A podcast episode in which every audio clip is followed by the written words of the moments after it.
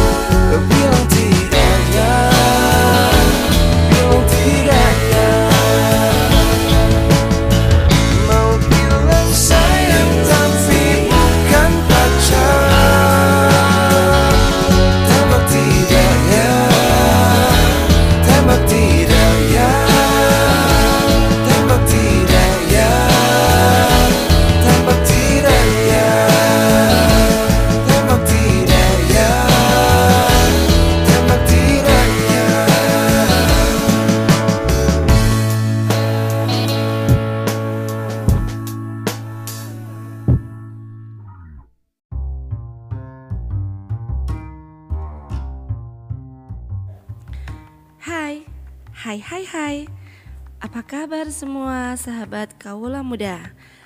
Jumpa lagi dengan Sutarsi Firas.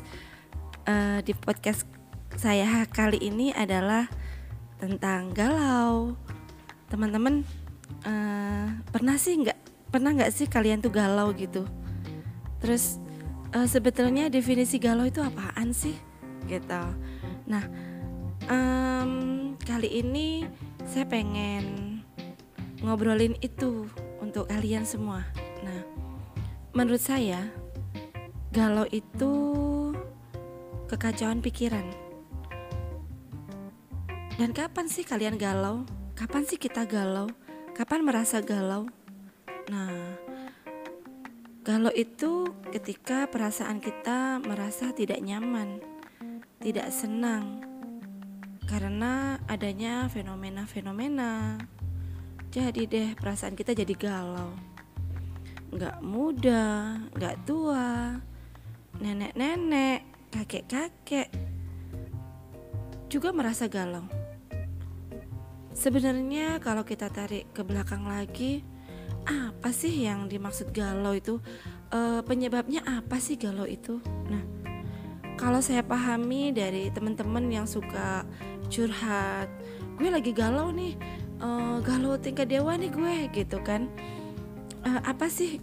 Kalau saya bisa menarik kesimpulan, galau itu e, tersinggung sedikit dengan bahasa kawan, jadi galau.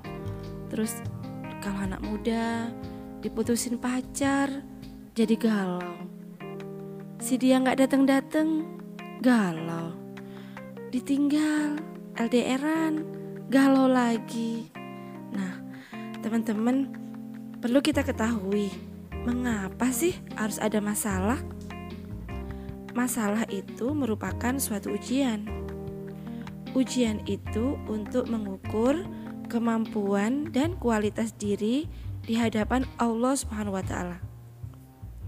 Ada istilah semakin tinggi pohon, semakin kencang angin menerpa.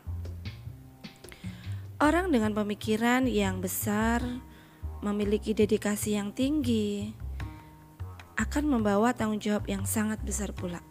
Itu merupakan jadi hmm, tingkat galaunya juga tinggi. Mungkin bagi para pemimpin-pemimpin atau memang memiliki kapasitas hidup yang lumayan bagus di ke di kehidupan sosialnya tingkat galaunya juga saya rasa saya lihat juga mereka sangat tinggi juga nah ujian itu sebagai proses pendewasaan diri kalau dulu saya sering bertanya sama bapak saya Pak kenapa sih saya harus uh, membantu bapak membawa bebek ke sawah, membawa kerbau, membawa sapi.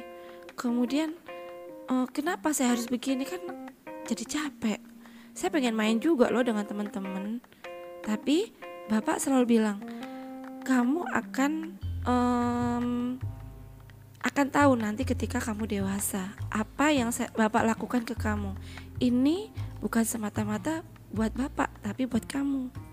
Nah setelah saya dewasa saya berpikir oh iya ya itu bagian dari ujian ya.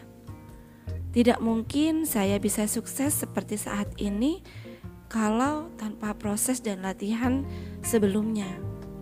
Nah hal-hal yang sering kita kenang pada saat di masa sulit dan sedang ada masalah tantangan terberat adalah menghadapi masalah itu yaitu ketika kita merasa bingung, bimbang, apa sih yang harus saya lakukan? Nah, hal itulah yang bisa disebut dengan galau tingkat dewa. Bahkan makan aja nggak mau, mau tidur nggak bisa. Nah, itu sudah galau-galau tingkat dewa. Teman-teman, um, mungkin kita perlu sedikit menambah wawasan tentang keislaman Islam itu mengajarkan untuk kita beriman kepada Allah. Artinya, gantungkan, pasrahkan segala kehendak segala kehendaknya itu kepada Allah lagi. Karena kenapa? Segala hal yang terjadi di muka bumi ini ya atas kehendak Allah. Jadi, kembalikan semuanya kepada Allah, pasrahkan lagi. Jangan dipikir sendiri nanti jadi stres. Di di masa sekarang ini banyak sekali penyakit-penyakit masyarakat yang uh, bukan sakit uh, bukan sakit fisik tapi sakit psikis. Bahkan saya pernah um, bertemu dengan sahabat saya itu dia nggak sakit kok. Kenapa kamu bawa ke rumah sakit? Jadi sakitnya apa dok? Dia sakit psikomatik. Nah semua itu berawal dari sini teman-teman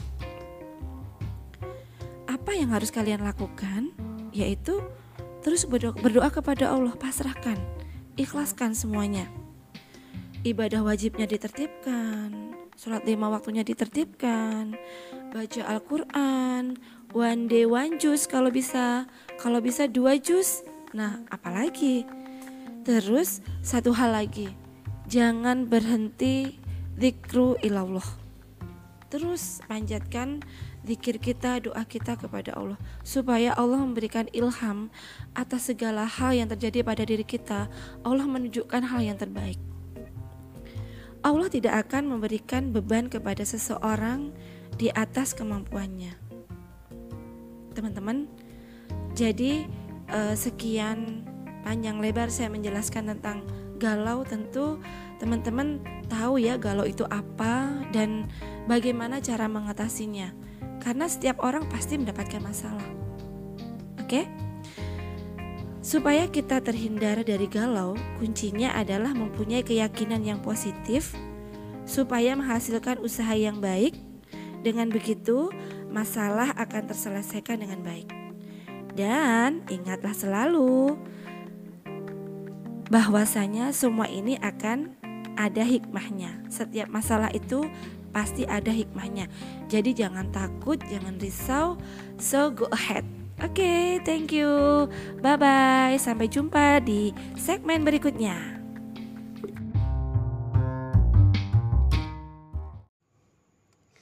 Hai, hai, hai, hai. Apa kabar teman-teman semuanya? Pagi yang cerah. Wow, paling asik kita ngapain ya? Gibah-gibah sedikit gitu ya. Nah, jumpa lagi dengan saya Sutarsi Firas. Kita akan uh, gibahin tentang galau. Galau tidak hanya menyerang pada orang dewasa, namun saat ini galau juga menyerang pada anak-anak, pada remaja pastinya. Yang paling yang paling menggelitik itu ya galau pada nenek-nenek, galau pada kakek-kakek. Wis, beneran sumpah.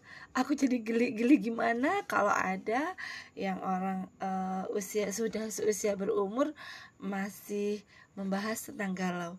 Dan ternyata ada nih jawabannya nih. Kalian mau dengar?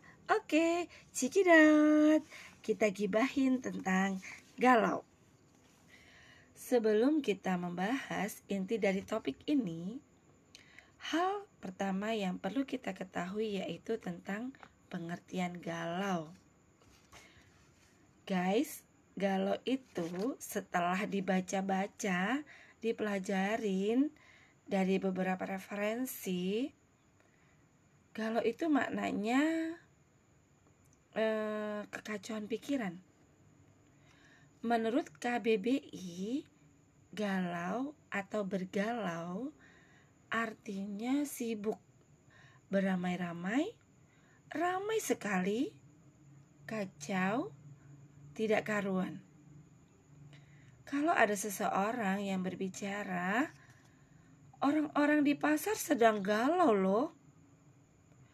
Kalimat ini mungkin bukan berarti sedang sedih. Namun maknanya sedang sibuk beramai-ramai mungkin saja terasa aneh, namun itulah makna sebenarnya. Memang tak ada salahnya apabila keadaan seseorang yang lagi sedih disebut galau. Namun makna yang lebih dekat adalah beramai-ramai sih. Kemudian galau kali ini yang artinya kekacauan pikiran. Kapan sih kita merasa galau?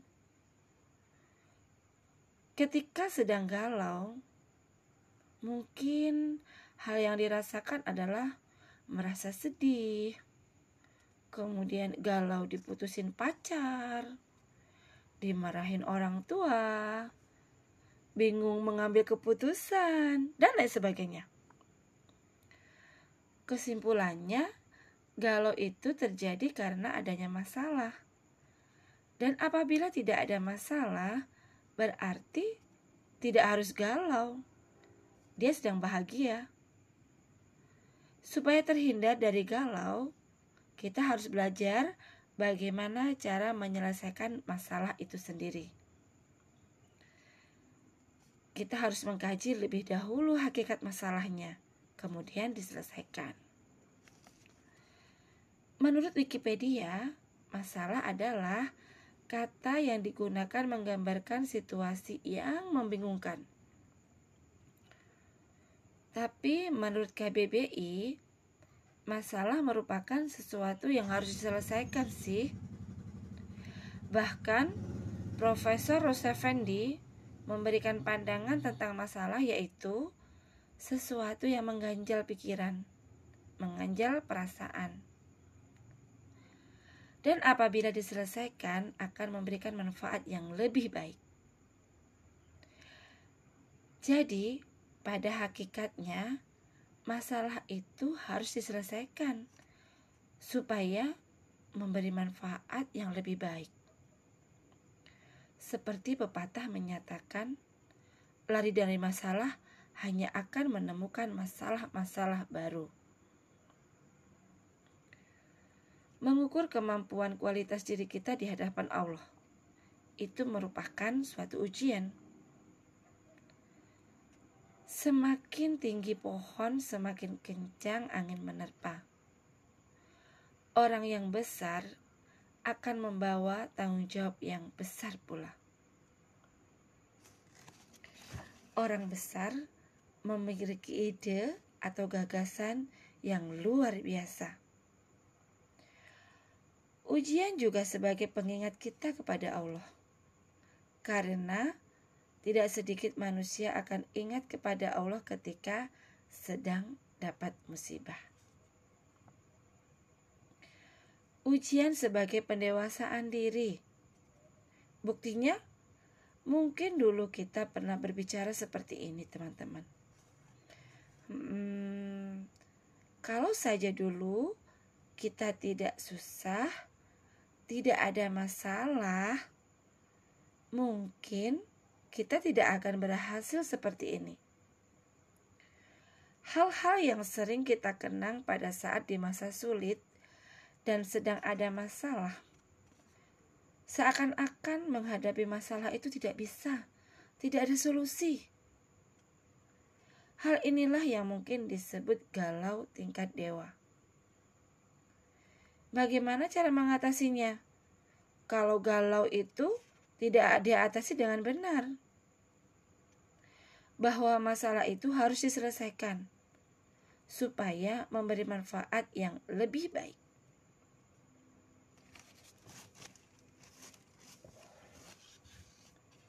Mengapa kita mempunyai keyakinan yang positif? Mengapa kita harus mempunyai keyakinan positif? Hmm? bahwa Islam mengajarkan kita untuk beriman kepada Allah.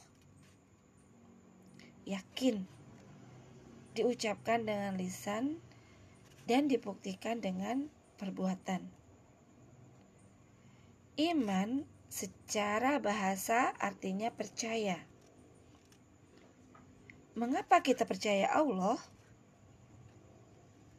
Dengan mempunyai keyakinan, kita bisa berharap kepada Allah.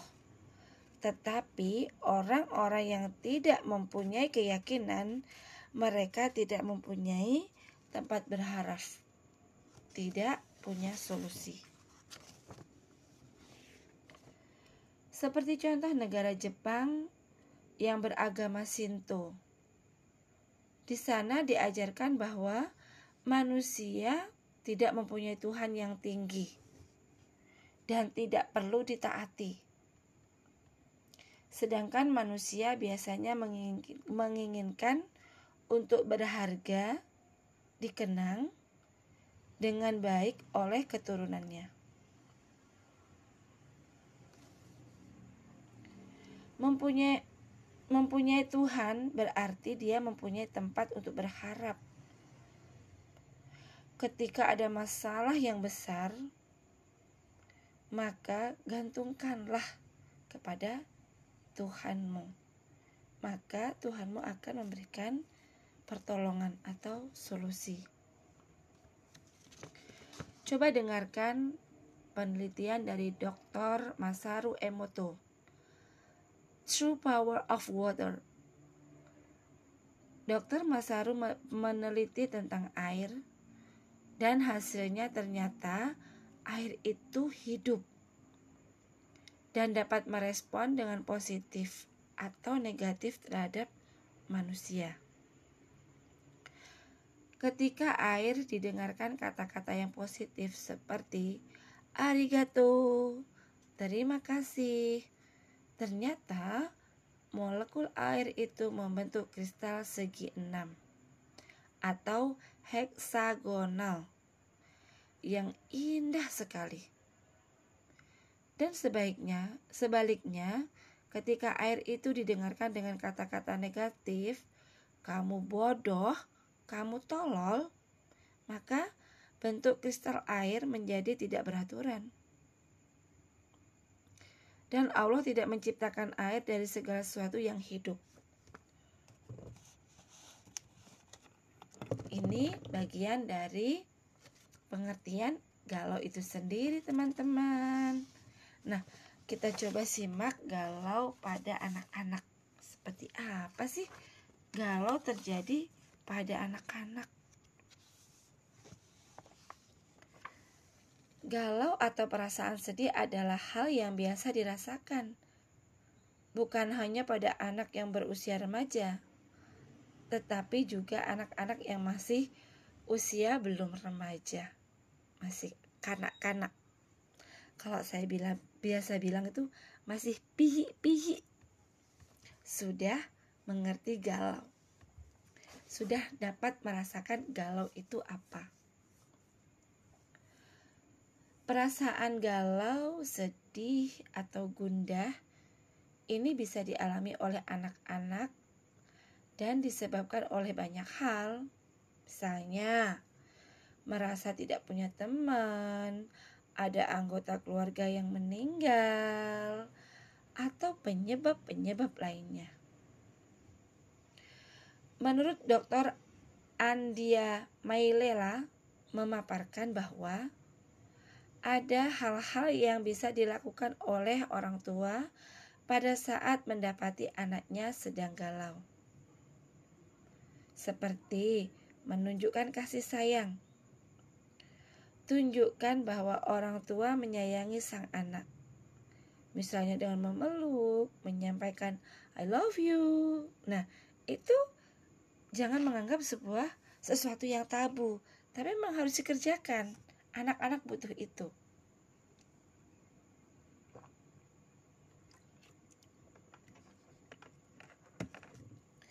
Penting bagi orang tua untuk juga menempatkan diri pada posisi yang sama dengan anak.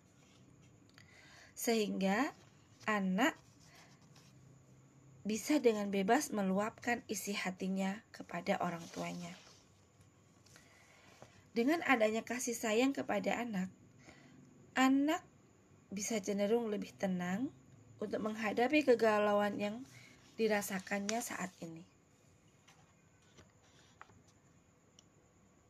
Jadikan setiap kesempatan itu untuk membangun potensi anak. Setiap ada masalah bisa kita jadikan sebagai kesempatan untuk membantu anak-anak kita, juga anak orang lain. Untuk menjadi resilient, itu salah satu komponennya adalah self compensation. Ketika anak galau karena gagal menjadi yang terbaik di sekolah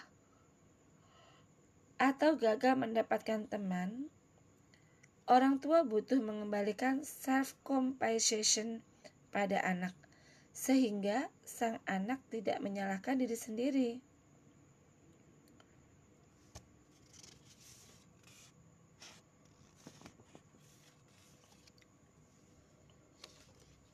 Nah, coba kita perhatikan tentang perilaku galau pada remaja.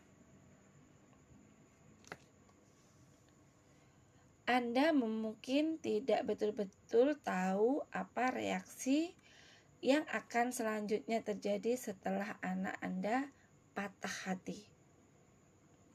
tidak perlu panik, biasa aja. Biarkan mereka menenangkan diri, meskipun sebenarnya sebagai orang tua melihat anak Anda sakit itu sangat-sangat yang sangat sakit yang luar biasa. Kadang anak-anak itu butuh sendiri. Maka biarkanlah dia sendiri. Pada saat pada anak-anak jika terlihat galau, biasanya dia tidak ingin memperbaiki sesuatu yang tidak baik. Dengarkan, tapi tidak perlu berpihak. Faktanya adalah Anda mungkin merasa lega dengan perpisahan ini, terutama jika Anda mengetahui bahwa anak Anda telah ditipu atau diperlakukan dengan buruk tetapi mengatakan kepadanya bahwa Anda tidak pernah menyukai orang itu dapat melukai hati anak Anda dan tidak akan membuat sesuatunya lebih baik. Yang bisa Anda katakan adalah, "Aku ada di sini untukmu." Jika kamu memerlukan bantuan dengan cara apa pun, menunjukkanlah pada anak Anda bahwa Anda bersedia mendukungnya. Kalau pada anak-anak ini, pada anak remaja ini sangat rumit loh pemirsa. Anak perlu belajar kecerdasan emosional, kata Jenny Dawser, konselor dan penulis di Neger Translated mereka harus belajar memahami emosi mereka, tetapi tidak benar-benar terbebani oleh emosinya itu sendiri. Anda benar-benar normal bagi anak Anda yang patah hati untuk mengurung diri di kamar. Mereka selama beberapa hari tanpa mengomel atau terlalu menekan Cobalah membuat mereka keluar dari rumah. Jika mereka tidak ingin pergi dengan teman-teman mereka, mintalah mereka ke toko atau makanan siang bersama Anda. Jika setelah dua minggu atau tiga minggu, apa pun yang terjadi, apa pun yang Anda tawarkan tidak berhasil, mungkin itu adalah bendera peringatan bahwa ada yang berjalan dengan tidak baik. Dalam situasi ini, saya akan menawarkan konseling dengan mengatakan, adakah orang lain yang ingin ajak Anda bicara? Teman-teman, begitulah uraian tentang galau. Sekarang, ibu-ibu, bapak-bapak tentu um, mengerti galau itu yang seperti apa dan bagaimana? Tentu ayah bunda sekalian bisa mengerti, memahami galau pada anak-anak atau pra remaja. Demikian juga galau pada orang-orang dewasa. Oke okay guys, jumpa lagi di segmen berikutnya. Mudah-mudahan kita masih diberikan umur yang panjang, kesehatan, kewarasan, dapat berpikir waras dan positif, itu merupakan anugerah dari Yang Maha Kuasa yang terberi kepada kita semua. Wajiblah kita syukuri dengan ucapan Alhamdulillahirrahmanirrahim. Oke, baik. Terima kasih atas waktunya untuk mendengarkan gibah-gibah asik dari Sutar Sifira. Sampai jumpa. Dadah.